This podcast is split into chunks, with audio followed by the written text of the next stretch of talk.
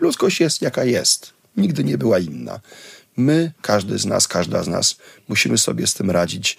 Tam, gdzie, jak stoicy by powiedzieli, zostaliśmy postawieni przez bogów, e, niektórzy są politykami, inni są twórcami kultury e, i każdy z, ma, z nas ma jakąś do odegrania rolę. Nie dajmy w tym wszystkim sobie wmówić, że świat jest jakiś inny, że żyjemy w świecie przyszłości. Nie, żyjemy w świecie przeszłości.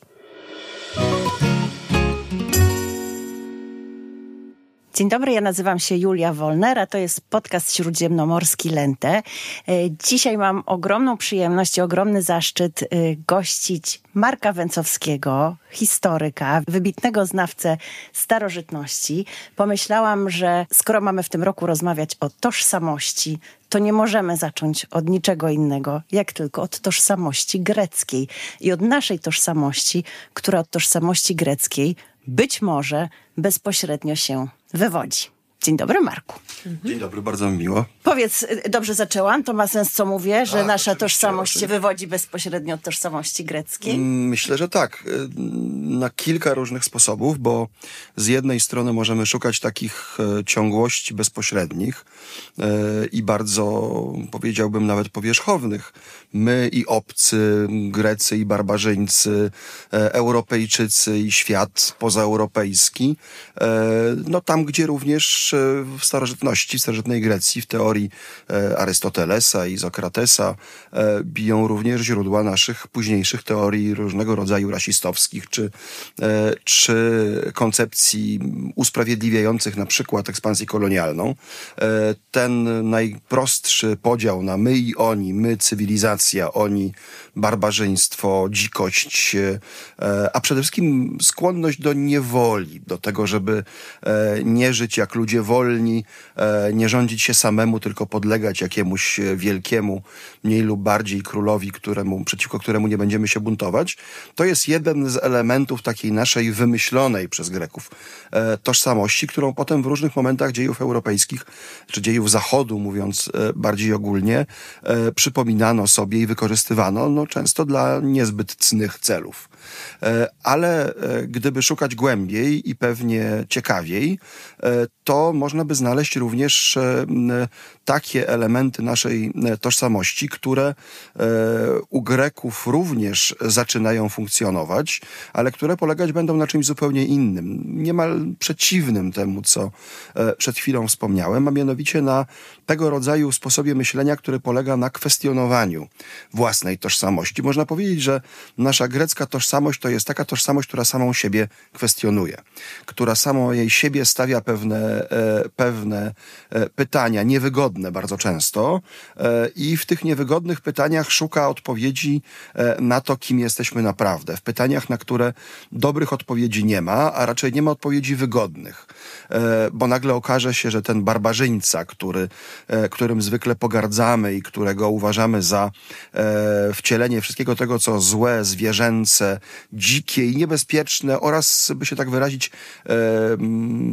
promujące siły chaosu w świecie dookoła nas, E, jak w greckiej sztuce tuż przed wojnami perskimi. Po nich zaczyna się bardzo e, ważny taki właśnie nurt w dziejach ikonografii, e, ikonografii starożytnej z Amazonkami, z gigantami, z innymi jeszcze dzikimi stworami, które mają nam przedstawiać wroga odwiecznego.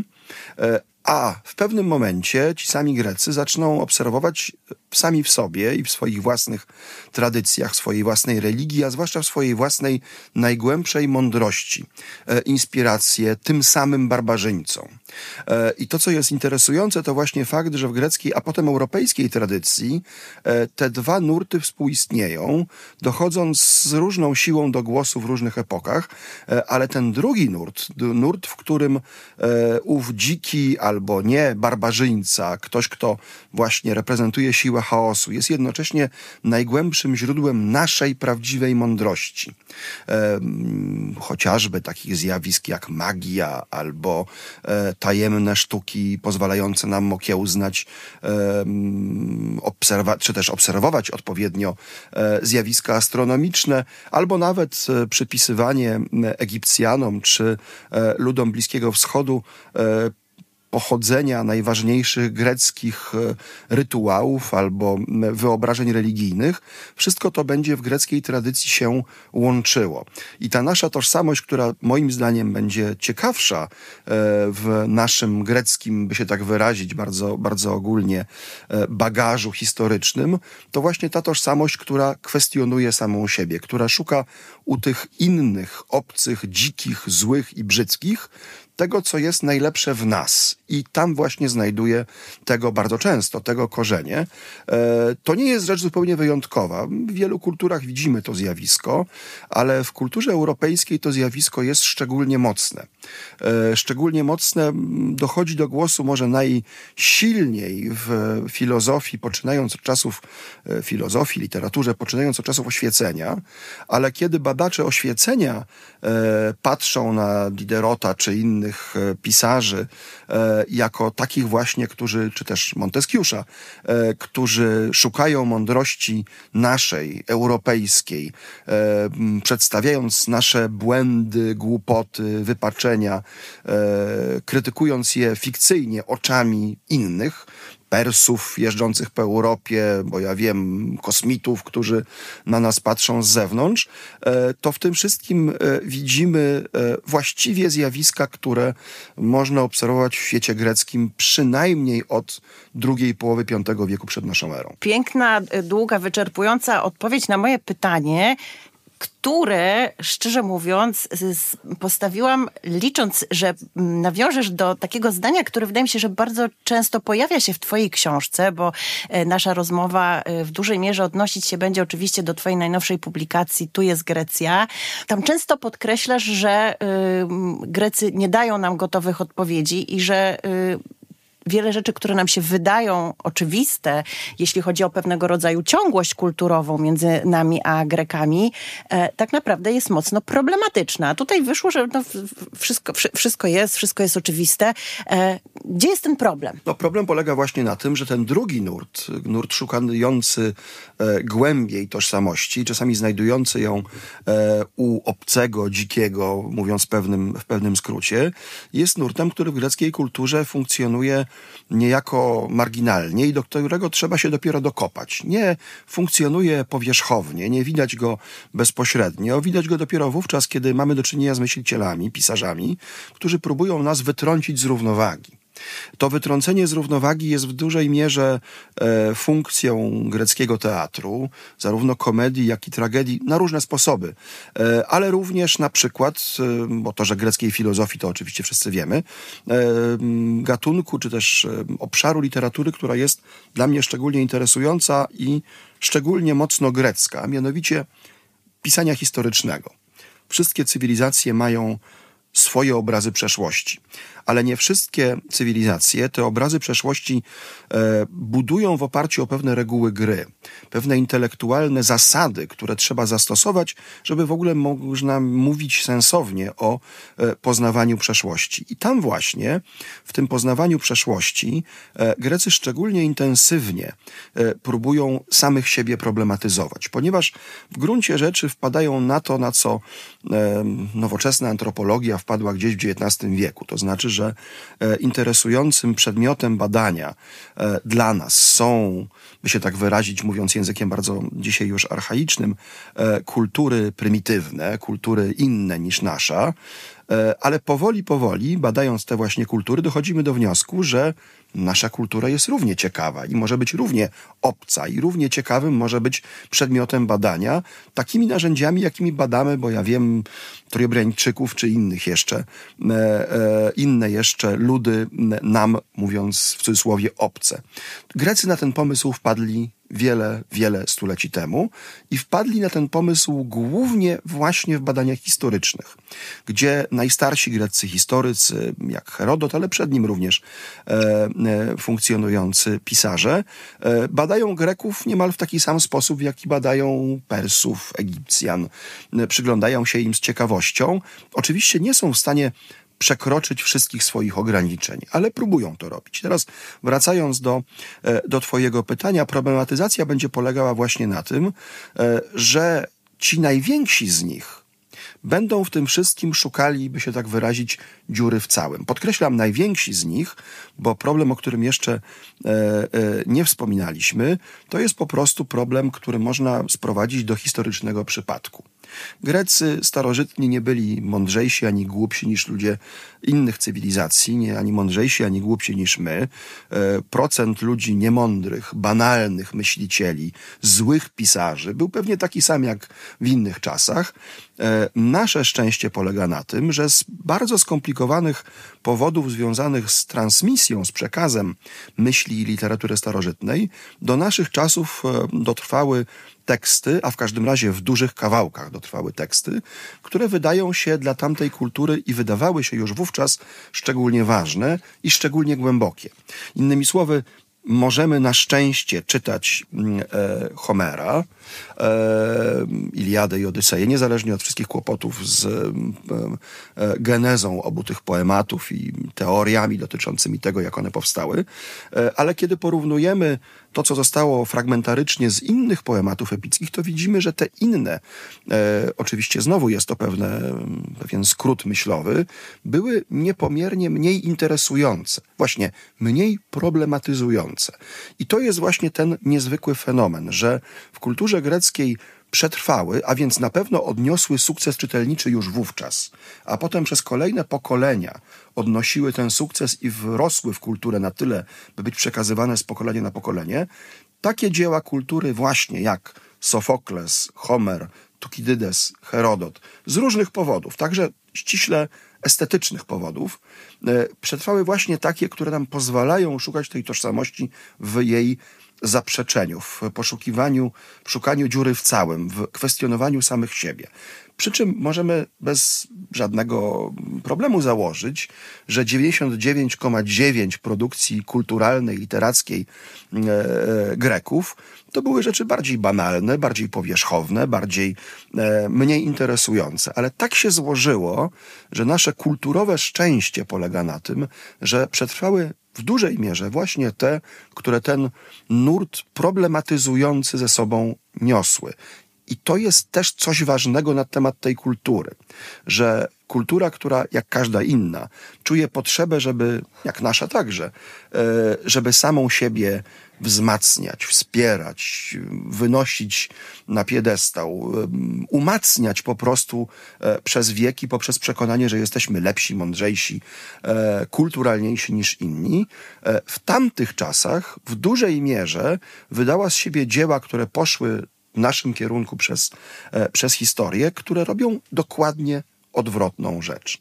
Pokazują nam, jacy jesteśmy słabi, rozdarci, niepewni, ale także e, niepewni w sensie najgłębszym tego słowa, to znaczy niepewni w tym znaczeniu, że pewności po prostu nie ma.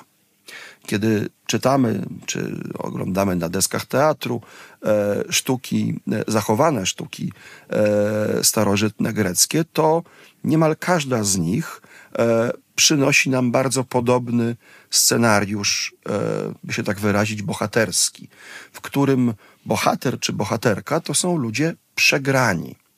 E, przegrani nie dlatego, że los ich przygiął do ziemi, to też, ale przegrani poprzez swoje błędne wybory i to takie wybory, które nie mogły być dobre, bo najczęściej do dyspozycji, e, do wyboru było kilka różnych opcji, ale każda z nich była zła. E, I tego typu kwestionowanie swoich pewności będzie w kulturze europejskiej potem za sprawą Greków E, cechowało najważniejsze dzieła literackie, największe dzieła intelektualne kolejnych epok naszej kultury. I wcale nie jest to znowu porównawczo na tle różnych innych cywilizacji, e, które ludzie w swoich dziejach mm, wytworzyli, rzecz normalna. Powiedziałbym nawet, że jest to rzecz wyjątkowa. Powiedziałeś e, o tych wielkich nazwiskach, e, których e, dzieła do nas na szczęście dotarły i z którymi mamy ciągle szczęście obcować, a mnie przyszedł do głowy taki fragment twojej książki, o którym jakoś bardzo długo myślałam. Mm, mam wrażenie, że mowa była o Arystotelesie, który dostarczył nam taki rodzaj mapy świata, wedle której charakter y, danego ludu jest ściśle związany z klimatem krainy, w której żyje. E, była tam mowa między innymi o mieszkańcach północnej Europy, czyli myślę, że możemy tutaj się identyfikować, e, którzy mm, mają na przykład być zupełnie nieuzdolnieni artystycznie. E, uśmiecham się tu oczywiście pod nosem, to brzmi tak dosyć niewinnie i, i właśnie jakiś taki uśmiech, nie wiem, czy politowania, czy, czy zażenowania, czy, czy, czy, czy, czy rozbawienia budzi, ale z drugiej strony, jak później Y, sam zaznaczasz w swoim tekście, no tutaj już gdzieś pobrzmiewa y, i kolonializm, i rasizm, i wszystkie te e, okropieństwa, z którymi do dzisiaj się spotykamy. W związku z tym zastanawiam się, na ile w ogóle możemy, na ile wolno nam jest zachowywać ten optymizm, który mam wrażenie, że z, z, z, tych rozważań o Grekach cały czas, y, cały czas w tych rozważaniach się pojawia, mianowicie to, że możemy się uczyć na ich błędach. My się wcale na tych błędach nie uczymy. Tutaj jesteśmy e, kilka wieków przed naszą erą, a, a teraz jesteśmy w roku 2024 i mówimy cały czas o tym samym i cały czas takie same brednie opowiadamy. Owszem, e, to prawda, e, ale sam fakt, że te brednie możemy definiować jako brednie, wolno nam to robić.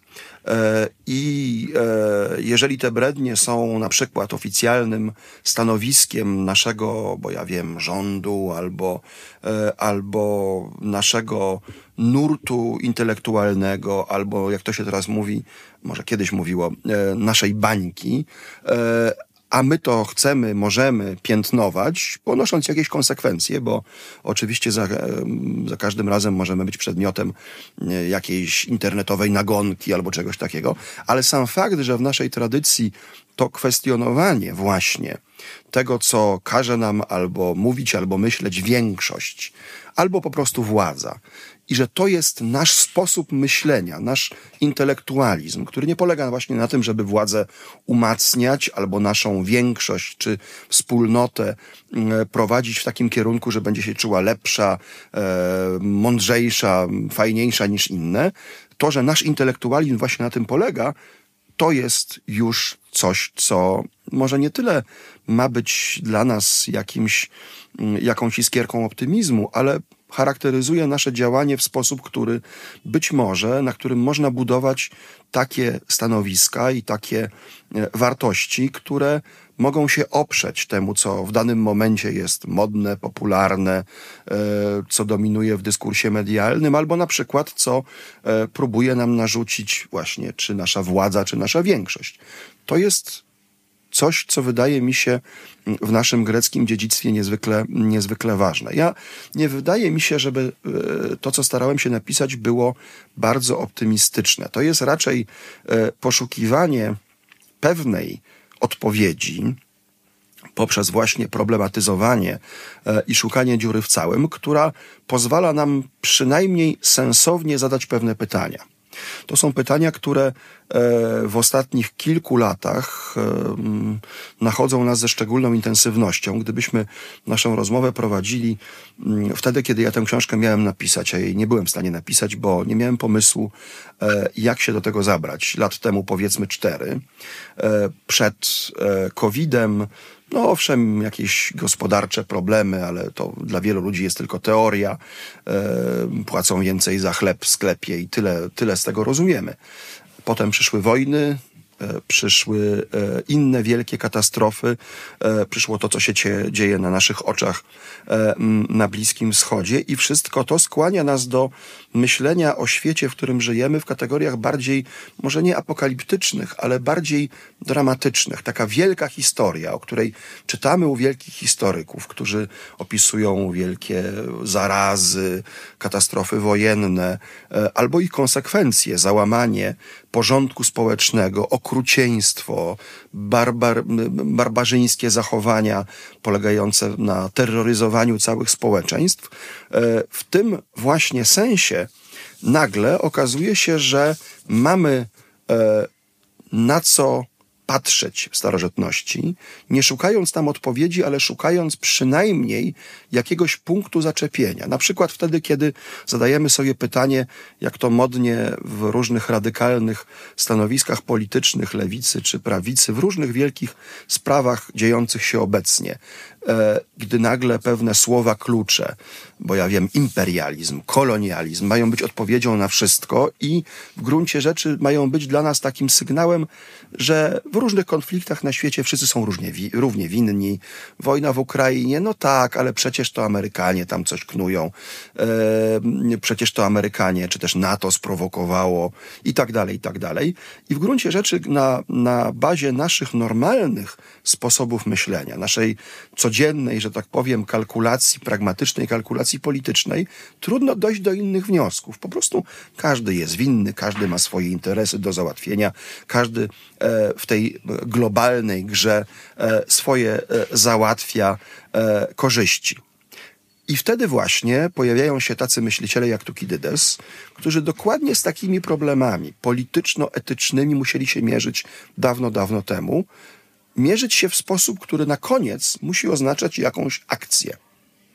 Nie ucieczkę od decyzji, nie wygodne, że tak powiem, teoretyzowanie moralne na kanapie, tylko e, decyzję, choćby nawet taką, za którą nie idzie żadna praktyka działania, bo nie każdy z nas ma e, moc sprawczą, żeby działać, ale przynajmniej samemu dla siebie. Odpowiedź na pytanie, no dobrze, skoro wszyscy są winni, to może ktoś jest trochę mniej winny niż inny, ponieważ i tu zaczynają się rozważania, które Grecy prowadzili.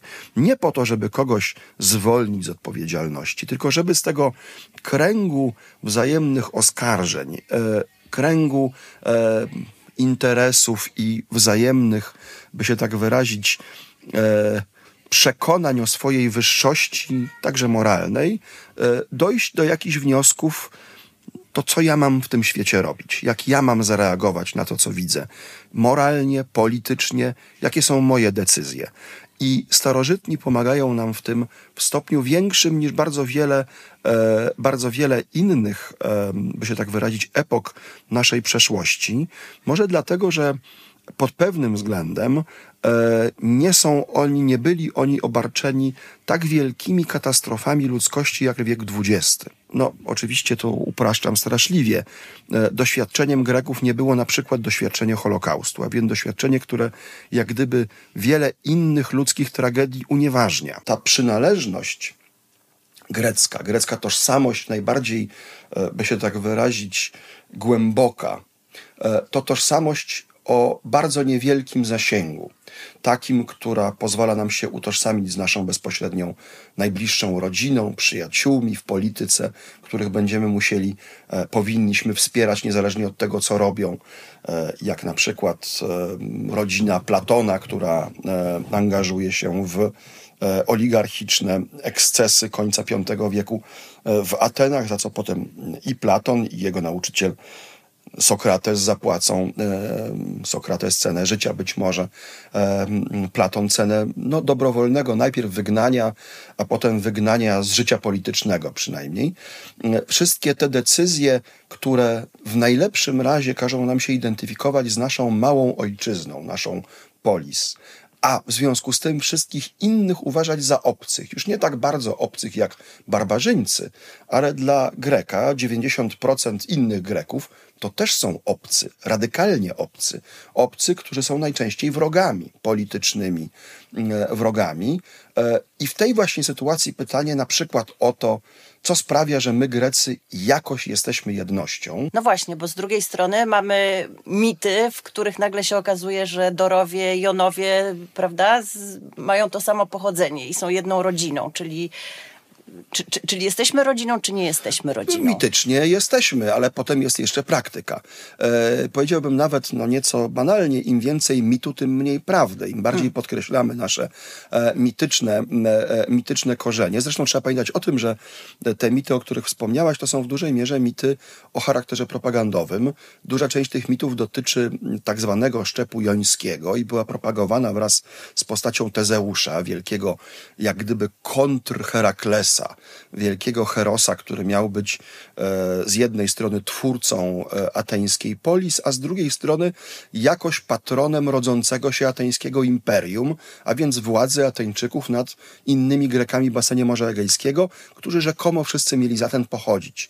E, te mity często mają wymiar polityczny. Podobnie zresztą mity dotyczące przodków Dorów, wracających na Pelopones z potomkami Heraklesa, to w dużej mierze mity, które mają promować pewne wizje e, polityczne, pewne związki polityczne, ale nawet przyjmując te mityczne korzenie, bo jakoś rzeczywiście one podkreślać będą pewien rodzaj wspólnoty, e, musimy pamiętać o tym, że samo pytanie, e, co sprawia, że my, Grecy, jesteśmy wspólnotą, jest samo w sobie przedziwne gdybyśmy to pytanie nagle e, zaczęli rzutować na nasze współczesne myślenie, e, co sprawia, że my Polacy jesteśmy jednością.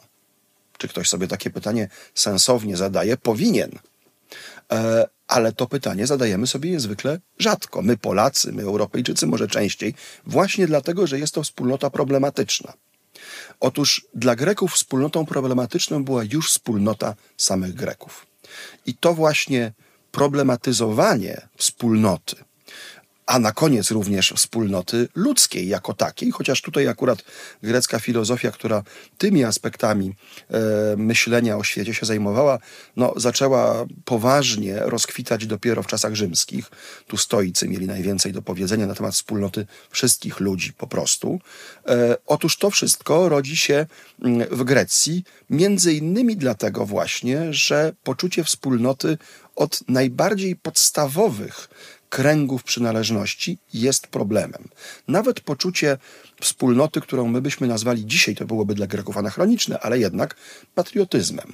Co sprawia, że my, Ateńczycy, jesteśmy raczej Ateńczykami niż zwolennikami Peryklesa albo zwolennikami jego śmiertelnego wroga Kimona, syna e, Miltiadesa spod maratonu. E, to są problemy dla Greków podstawowe, które w pewnych momentach odgrywają ogromną rolę w praktycznej polityce ateńskiej, greckiej itd. Tak Te problemy budowania tożsamości, nawet w tej najbardziej podstawowym, najbardziej podstawowym wymiarze, to są problemy, które Greków dotykały w stopniu większym niż nas dzisiaj. I tym samym nam nieco łatwiej o naszych tożsamościach, przynależnościach myśleć, kiedy widzimy świat, w którym właściwie wszystko podlega kwestionowaniu, albo przynajmniej może podlegać, e, może być przedmiotem największych pytań. Co sprawia, że ja i ty jesteśmy jakoś wspólnotą, chociaż właściwie można tę konfigurację postawić, e, spojrzeć na nią z innej perspektywy i powiedzieć sobie, że tak naprawdę to my jesteśmy wrogami, bo jako Ateńczyk i Spartanin, albo Ateńczyk i e, nawet obywatel Miletu. E, jesteśmy przecież politycznie, albo możemy być, i w pewnych epokach jesteśmy, e, śmiertelnymi wrogami.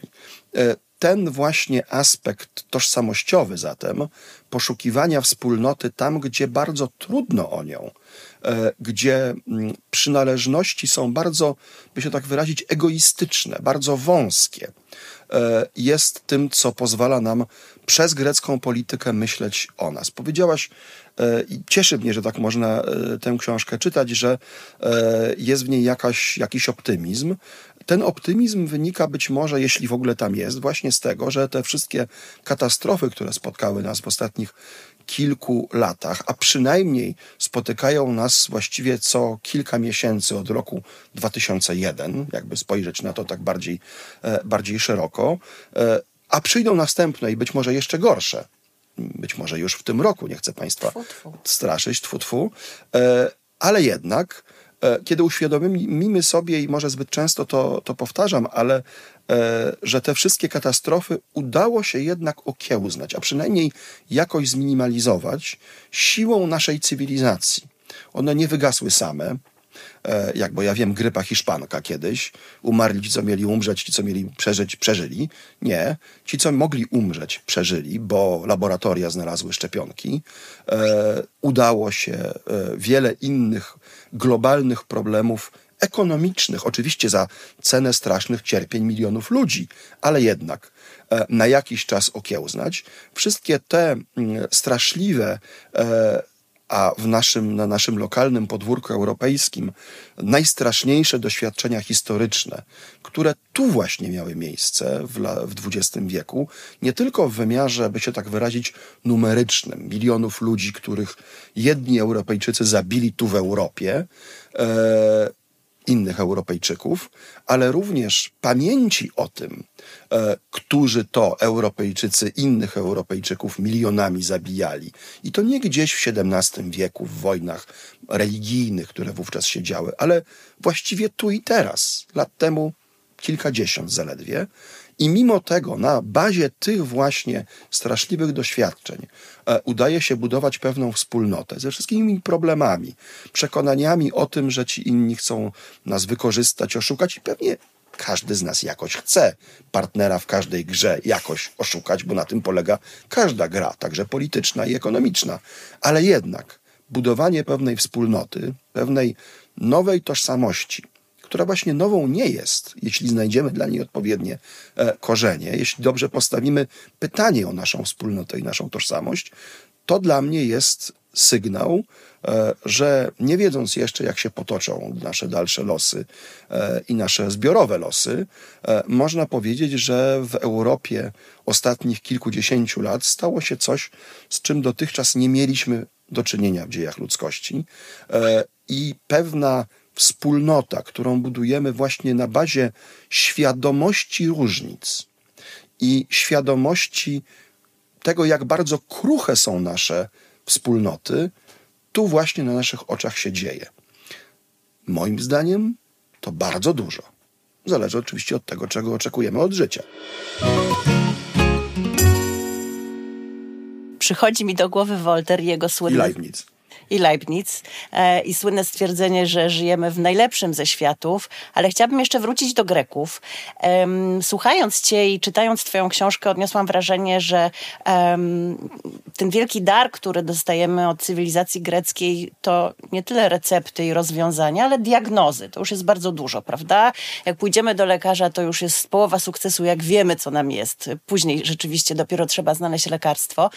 E, zastanawiam się, czy Grecy mieli w ogóle ogóle jakieś tabu w tym kwestionowaniu siebie i świata naokoło? Były jakieś tematy, których nie podejmowali? No to jest bardzo dobre pytanie, bo e, znowu bywali tacy, którzy podejmowali wszystkie pytania, e, ale e, odpowiedź na to pytanie nie jest prosta, ponieważ z jednej strony musielibyśmy odróżnić od siebie to, co myśmy zrobili z Grekami w tradycji europejskiej od tego, co naprawdę robili Grecy. Najlepszym przykładem jest tutaj nasza, nasze myślenie o polityce. Można powiedzieć najbardziej ogólnie, że bardzo ważnym tabu starożytnych Greków jest, są różnego rodzaju tabu religijne. Zwłaszcza w niektórych kultach, kultach misteryjnych, w tajemniczeniach, i to nie tylko w tym sensie, że e, podlegamy pewnym zasadom, ale również pewne tajemnice są na nas e, przez prawa boskie wymuszane. Legendy krążące o tym, że w jednej ze swoich tragedii Sofokles powiedział coś, co uznano za zdradę tajemnicy misteriów eleuzyńskich, i takich tradycji, takich legend e, można w greckiej kulturze znaleźć więcej. E, to tylko jeden z przykładów. Z drugiej strony mamy takich myślicieli greckich, którzy wprost kwestionują istnienie bogów, albo próbują niejako obok bogów interpretować wszechświat, czy to astronomicznie, czy to e, w innych sferach rzeczywistości. I tutaj natrafiamy na problem, którym jest dla nas być może z pewnej perspektywy najważniejszy myśliciel starożytny, a mianowicie Arystoteles. E, ponieważ Arystoteles, który jest jednocześnie no, założycielem właściwie pewnego nurtu nie tylko naszych myślicieli, naszego myślenia filozoficznego, ale także po prostu różnych dziedzin nauki, z którymi e, Europa e, od czasów nowożytnych, potem odkrywając go na nowo, będzie musiała się mierzyć, e, zrobił coś bardzo szczególnego, co było właściwie konsekwencją greckiego sposobu myślenia już wcześniej. Mianowicie Grecy mieli tę wspaniałą a dla nas, patrzących na nich jako e, przedmiot badania historycznego, bardzo nieprzyjemną cechę, że potrafili wypreparować pewne elementy rzeczywistości. Kiedy na przykład e, chcą powiedzieć coś o polityce, to starają się powiedzieć nam coś o czystej polityce. Tak jakby polityka nie była e, zanurzona w świat, w którym funkcjonuje. I to, co Czyli zrobił. Jakaś forma abstrakcyjna. Tak? Abstrakcyjna tak? i jednocześnie taka, która pozwala nam właśnie abstrahować od tego, co dla rzeczywistej, prawdziwej polityki jest zupełnie fundamentalne.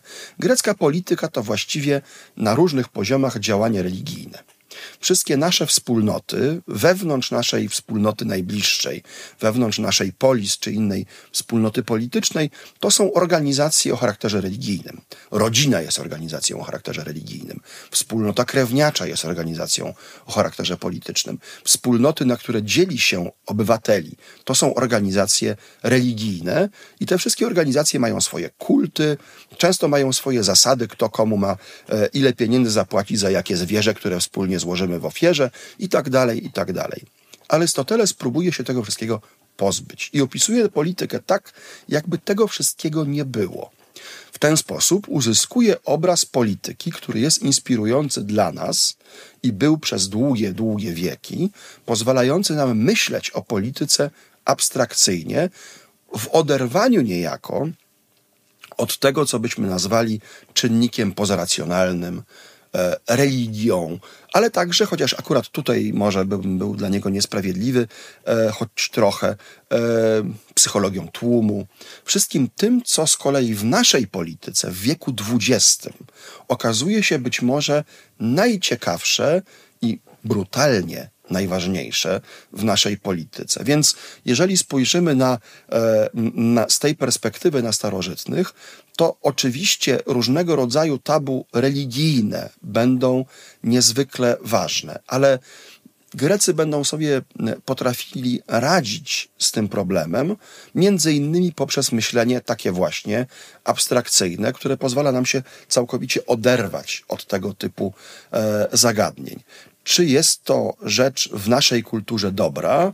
No, ja bym powiedział umiarkowanie dobra, a raczej dobra o tyle, o ile będzie nas prowokować do refleksji, a nie do szukania rozwiązań. E, moja e, nauczycielka akademicka, której zresztą tę książkę zadedykowałem, e, profesor Ewa Wiprzycka-Brawo, E, zajmowała się i zajmuje do dzisiaj dziejami Kościoła i w, przez wiele dziesięcioleci jej prace naukowe nie były najlepiej przyjmowane przez historyków Kościoła w Polsce, historyków, którzy często mieli e, no, wyznaniowy stosunek do e, przedmiotu swoich badań. A jednocześnie na swoich wykładach i w swoich tekstach podkreślała ona z niezwykłą siłą, że problemem badania religii także religii chrześcijańskiej, nie są tylko historycy wyznaniowi. Równie wielkim problemem są, jak ona ich nazywała, osobiści wrogowie Pana Boga. Tacy, którzy myślą, że da się wyrzucić religijność, religię e, z życia społecznego i czynią z tego jeden ze swoich postulatów działania publicznego. Mając doświadczenie greckie, na obie te strony możemy spojrzeć może nie z równą pobłażliwością, ale z równym dystansem. E, religia nie zginie, nie zniknie e, i będzie elementem życia społecznego i będzie elementem życia politycznego. Taka czy inna religia. E, nasze doświadczenie greckie pozwala nam przynajmniej zobaczyć, że możemy z jednej strony patrzeć na politykę w takim właśnie mechanicystycznym ujęciu, jak działa to czy tamto, jak się robi kiełbasę, mówiąc po bismarkowsku, ale z drugiej strony ze świadomością, że to wszystko jeszcze trzeba przełożyć, e, przepuścić przez filtr prawdziwego życia, w którym takie elementy jak psychologia tłumu, religia albo właśnie walka z religią są elementami życia publicznego. I dopiero wówczas, nauczeni doświadczeniem Greków, możemy zadać sobie pytanie o to, jak się powinniśmy w tym wszystkim, e, w tym wszystkim zachować, e, nie stawiając sobie żadnych wielkich projektów, że zrobimy świat innym niż on jest i przez to lepszym. Grecy byli ludźmi, o tyle praktycznymi, e, że niezależnie od tego, że potrafili tworzyć wielkie projekty, takie jak idealnego państwa, to kiedy dochodziło do prawdziwej, konkretnej dyskusji, jak u Arystotelesa, co zrobić, żeby to dobrze działało, e, można było interpretować ten świat i jednocześnie e, od niego inaczej niż Platon, nie uciekając w osobną, zamkniętą sektę filozoficzną, która będzie sobie myślała rozmaite rzeczy o polityce, ale za zamkniętymi drzwiami, wiedząc, że to jest przecież wszystko e, rzecz, która powinna być od prawdziwego życia po doświadczeniach Platona osobistych również oddzielona. Cieszę się bardzo, że wspomniałeś o tej niemożliwości chyba oddzielenia e, religii od życia społecznego, od życia kulturalnego, od kultury w ogóle, prawda? To mm, bardzo było dla mnie ważne, żeby usłyszeć te słowa w obliczu e, niedawnych wydarzeń e, tutaj bardzo blisko mnie, ale też wspomniałeś o profesor Wieprzyckiej Brawo, co przypomniało mi o różnych lekturach, o których myślałam sobie czytając twoją książkę jako nieuleczalny mól książkowy zawsze gdzieś tam spędzając czas z tekstem e, od razu szukam pewnych analogii czy odniesień do, do wcześniejszych lektur. Myślałam sobie e, dużo o esejach Kołakowskiego, który podkreślał przecież e, często właśnie to kwestionowanie siebie, odnosząc się jednak, mam wrażenie, bardziej do, do, do początku tego, tej postawy w, gdzieś tam w czasach nastania chrześcijaństwa, prawda? Drugą taką książką, książką, która przyszła mi do głowy, kiedy czytałam Twoją publikację, był mit śródziemnomorski Mieczysława Jastruna. Wspomniałeś tutaj o, e, o Holokauście, o wielkich tragediach XX wieku. E, Jastrun właśnie y, mając to doświadczenie, y, w swojej książce pisał o upadku kultury humanistycznej, o, o tym, że upada mit śródziemnomorski, że nie wiemy, co nas czeka, ale już z tego mitu czerpać najprawdopodobniej nie będziemy. No, spotykamy się kilkadziesiąt lat później, i jednak dalej o nim rozmawiamy. Może zacznę od Kołakowskiego. Masz oczywiście rację i teraz żałuję, gdybym tę książkę pisał jeszcze raz, gdzieś bym o tym powiedział wyraźniej, że gdzieś pod spodem, co zresztą uświadomili mi kolejni moi czytelnicy, koncepcją, którą próbuję objąć wszystko to, co Grecy nam mogą w ten problematyzujący sposób powiedzieć, e, jest koncepcja głęboko zakorzeniona w myśli, przynajmniej na naszej e, polskiej, mm, że tak się wyrażę, w naszej polskiej kulturze, w myśli e, Leszka Kołakowskiego. I kiedy mm, na początku, przez wiele lat, na początku zajęć z kultury antycznej, w różnych zresztą środowiskach Uniwersytetu Warszawskiego starałem się e, mm, skłonić do wspólnych lektur, do wspólnego myślenia studentów, to pierwszą lekturą, którą im dawałem, był tekst nie poświęcony starożytności, tylko tekst właśnie Kołakowskiego o poszukiwaniu barbarzyńcy. E, który to tekst w dużej mierze mm, pokazuje zjawiska, których ja szukam u Greków, poczynając od, by się tak, no może w pewnym skrócie mówiąc, epoki reformacji.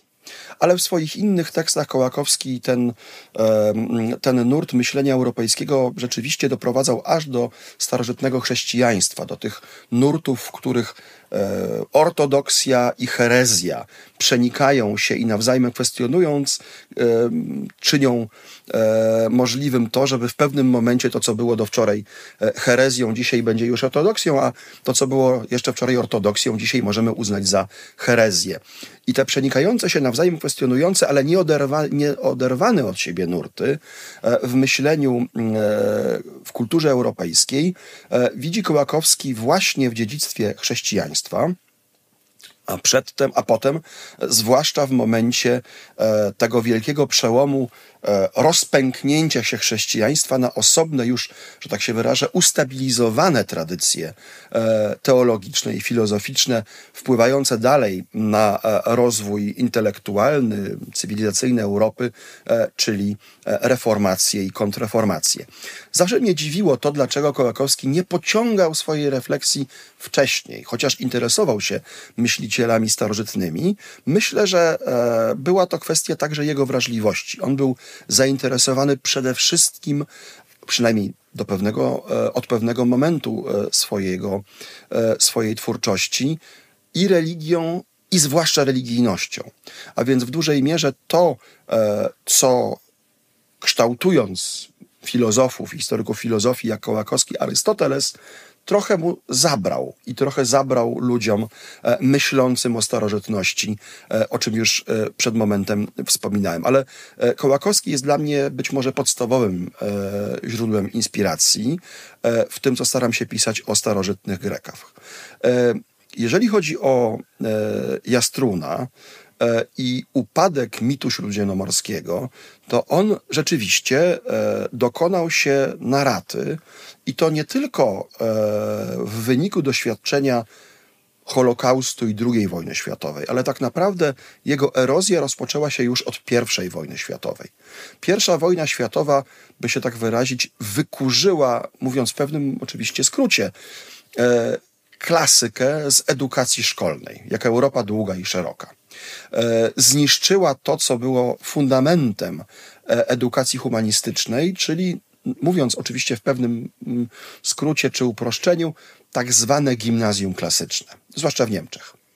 E, potem oczywiście dzieła zniszczenia dokończył hitleryzm i fakt, że największe pokolenie humanistów być może w całych dziejach Europy, czyli pokolenie niemieckich badaczy tego kolejnego niemieckiego humanizmu, które kształtowało się i uzyskało swoją e, dojrzałość w okolicach I wojny światowej i zaraz po niej, na takim gruncie już bardziej specjalistycznym, największy filolog klasyczny wszystkich czasów, e, e, Ulrich von Wilhelmowitz-Möllendorf, E, jego uczniowie, w dużej mierze pochodzenia żydowskiego, to są powiedzmy, to jest kilka dziesiątków największych humanistów europejskich wszystkich czasów. Wszyscy oni albo musieli, albo zakończyli swoje życie gwałtownie, albo uciekli do Wielkiej Brytanii, albo uciekli do Niemiec, albo jeśli nie uciekli, musieli przetrwać e, Niemcy Hitlera e, i po nich to, co przyszło, to był już zupełnie inny świat. Europejska humanistyka została zdziesiątkowana. E, I ten moment techniczny, by się tak wyrazić, kiedy w kulturze europejskiej klasyka jako właśnie przedmiot krytycznej refleksji, nie tylko uczenia się łaciny i deklinacji, i koniugacji, a czasami e, greki, przestał istnieć jako fundament cywilizacji, to jest właśnie pierwsza wojna światowa i jej pokłosie, również od strony nacjonalizmów. Trzeba pamiętać na przykład o tym, że bardzo wielu wielkich filologów klasycznych, którzy jeszcze gdzieś w okolicach 910 roku e, byli przekonani o tym, że żyją w jednej wielkiej republice uczonych. Kilka lat później, jako nacjonaliści, angielscy, francuscy, niemieccy, a wśród tych niemieckich również e, bardzo wielu, e, e, bardzo wielu młody, młodych profesorów żydowskiego pochodzenia, którzy potem zapłacili za to największą cenę, będąc jednocześnie już weteranami I wojny światowej w młodym wieku, musząc kilkanaście lat później uciekać w nieznane. Ci wszyscy ludzie nagle odkryli inny świat. Niektórzy z nich zachłysnęli się światem partykularyzmu, światem nacjonalizmu. Nie twierdzę, że to źle, ale ten świat się zmienił. A potem przyszło doświadczenie, o którym wspominasz przy okazji Jastruna, doświadczenie katastrofy, obserwowania tego, do czego zdolny jest człowiek. Ci ludzie, którzy tę katastrofę spowodowali, którzy ją wykonywali, to byli w dużej mierze ludzie ukształtowani na kulturze śródziemnomorskiej. Oczywiście duża część z nich to byli ludzie bardzo prymitywni, ale część nie. E, I obserwacja tego, jak bardzo świat klasyczny jest bezużyteczny w wymiarze etycznym, politycznym, e, było tym, co kolejne e, jednostki, które przetrwały II wojnę światową, które e, przetrwały obozy śmierci, doprowadziły do wniosku, że ten świat zniknął już na zawsze.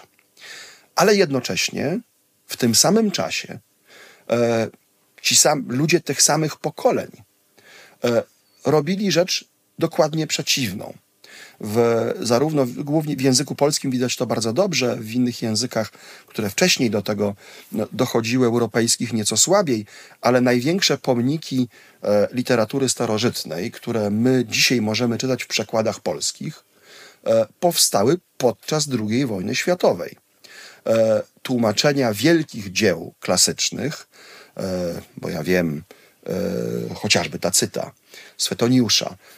To są utwory, Tacyta nieco wcześniej, ale Swetoniusza właśnie w czasie wojny, które powstawały niejako po to, żeby oderwać się od tego strasznego doświadczenia, które widać wokół nas. I kiedy tak spojrzymy na naszą klasyczną tradycję, ja zresztą ten słynny kawałek Liwiusza gdzieś cytuję w tej książce, to nagle zobaczymy, że dokładnie to doświadczenie, doświadczenie wielkich katastrof, chociaż powtarzam, nie tak moralnie wielkich, na przykład doświadczenie wielodziesięciole, wiele dziesięcioleci trwających wojen domowych e, w Rzymie, prowadzi takich ludzi jak Liviusz do tego słynnego stwierdzenia, którym rozpoczyna on mm, swoje dzieło e, od, od dzieje Rzymu, od założenia miasta, kiedy gdzieś tam skromnie mówi, ja zaś uważam za największą nagrodę, przepraszam, tłumaczę bardzo dosłownie, e, za mój wysiłek,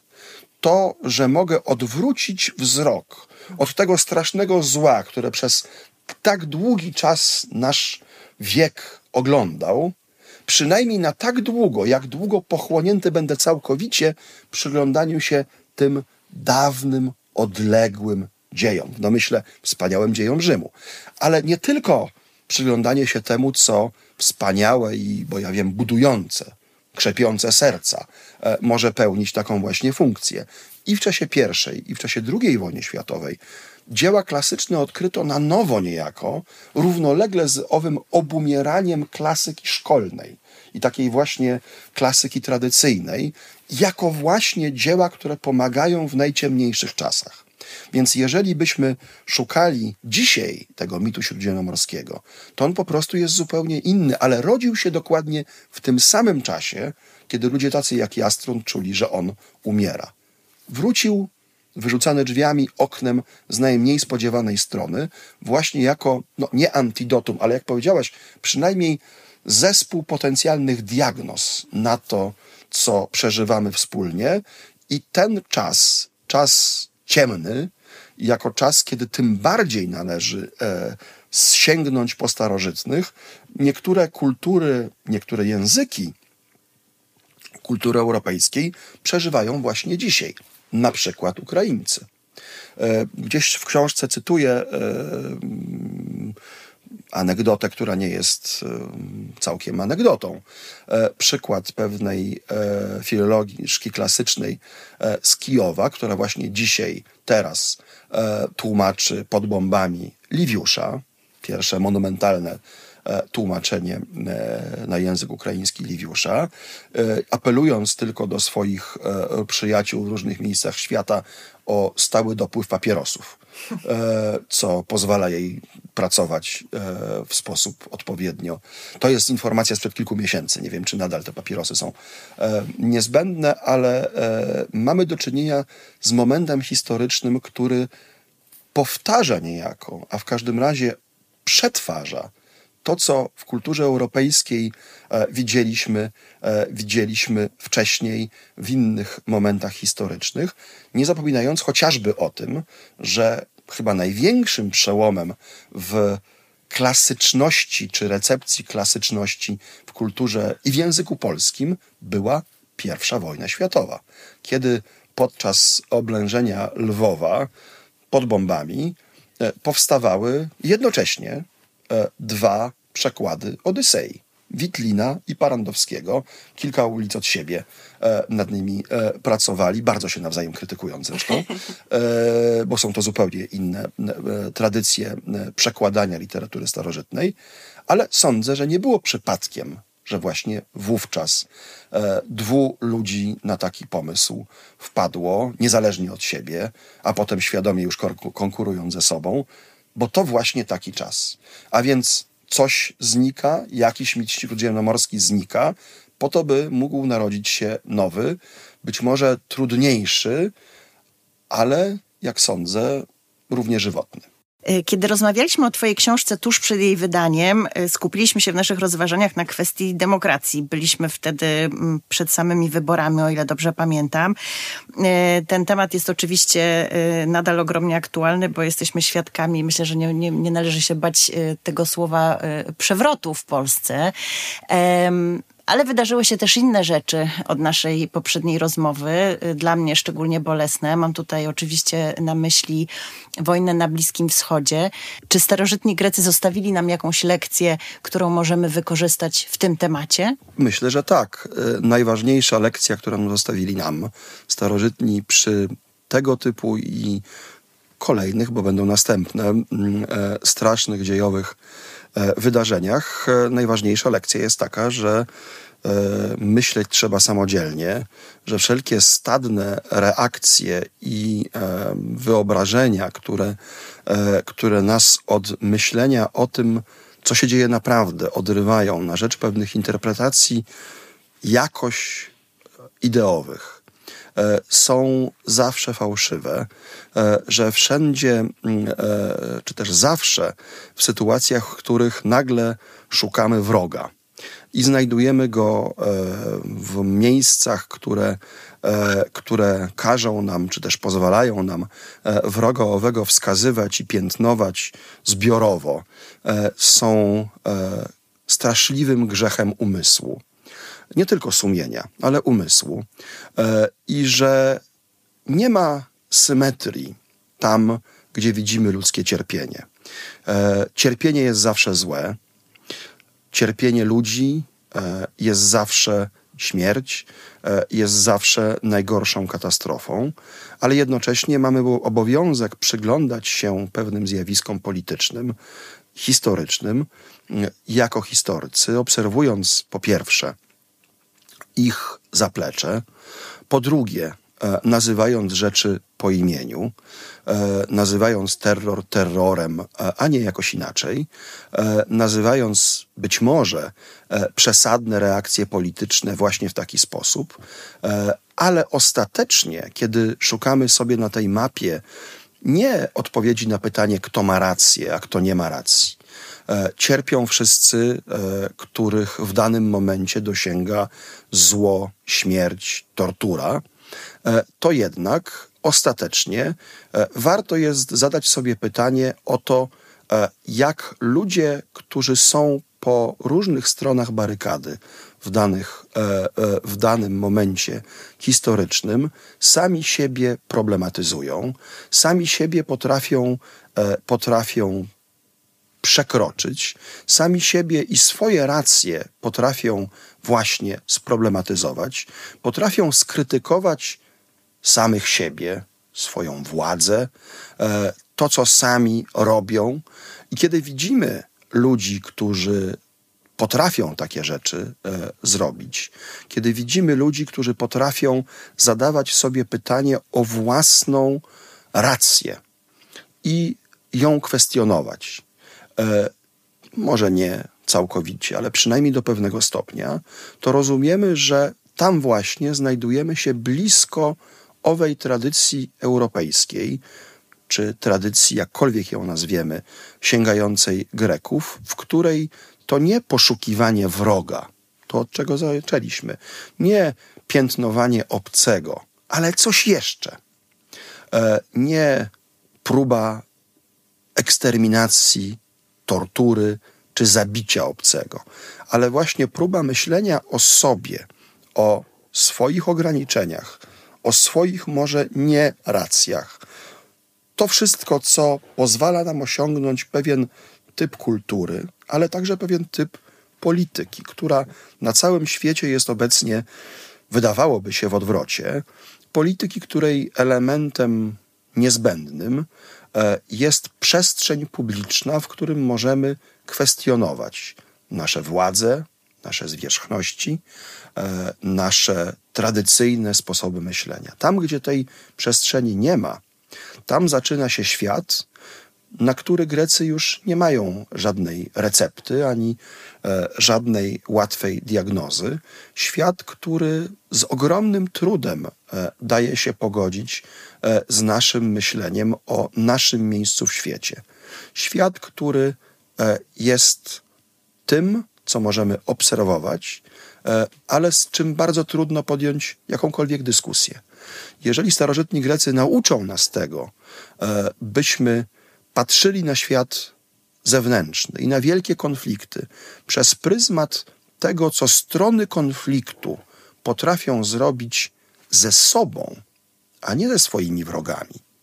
Potrafią poddać refleksji własnej, a nie krytyce, e, już nie mówiąc o aktach przemocy e, stosowanej wobec wrogów, to zobaczymy ten świat w świetle, które pozwoli nam uciec od rozmaitych, także zbiorowych niekiedy, e, prostych e, diagnoz, potępień i pozwolić, pozwoli nam myśleć samodzielnie. Marku, słuchając Cię, mam wrażenie, że kilkakrotnie wyłapałam e, takie sformułowania jak nasza grecka perspektywa, my Grecy. Czy czujesz się starożytnym Grekiem? Czuję się schellenizowanym barbarzyńcą, e, który e, korzysta z tego, o czym w tej książce nie napisałem. I gdybym pisał ją od nowa, zrobiłbym to, a może kiedyś zrobię jeszcze. E, a mianowicie, który barbarzyńcą, który korzysta z największego osiągnięcia greckiej kultury, które przyszło już po czasach, o których piszę w tej książce, po czasach Aleksandra Wielkiego, e, w czasach tak zwanej epoki hellenistycznej, kiedy to grecka kultura przepoczwarzyła się w takie dobro, e, które zaczęli, z którego zaczęli korzystać nie tylko Grecy przestała być dobrem, by się tak wyrazić, wewnątrz kulturowym, a stała się promieniującym na zewnątrz dobrem, w którym odnaleźć się mogli ludzie różnego pochodzenia, różnej kultury, w którym w pewnym momencie, już w czasach Cesarstwa Rzymskiego, mm, największymi prozaikami e, greckiej kultury mogli być ludzie urodzeni e, w języku, który nie był grecki, w języku syryjskim na przykład. E, ludzie, którzy pochodzili z rodzin, które wybrały dla swoich dzieci edukację grecką.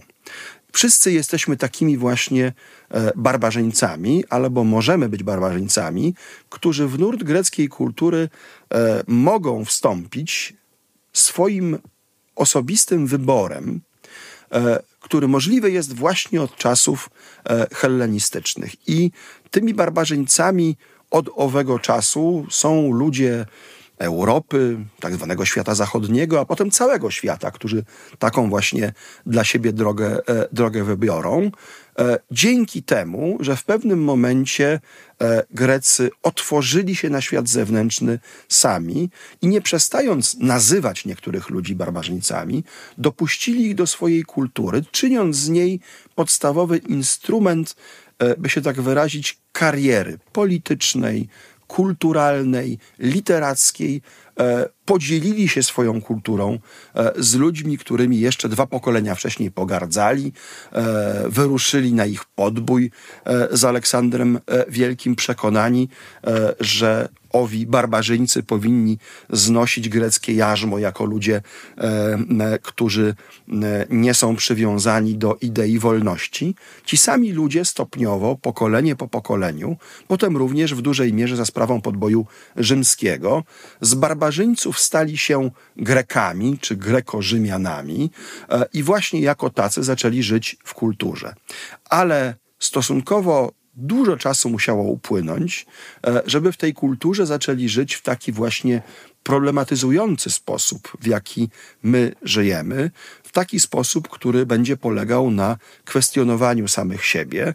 To przyszło dopiero ponownie e, przyszło w epoce nowożytnej. E, czuję się więc, e, jak mam wrażenie, wszyscy nasi słuchacze, barbarzyńcą, barbarzyńcą, który miał szczęście w greckiej kulturze się zanurzyć, ale ta kultura już nie była grecka po prostu, tylko była przetworzona przez pokolenia, pozwalające nam przyjąć ją jako swoją, e, w kształcie, który dla starożytnego Greka byłby szokująco dziwny i niezrozumiały, ale na tym właśnie polega jej siła.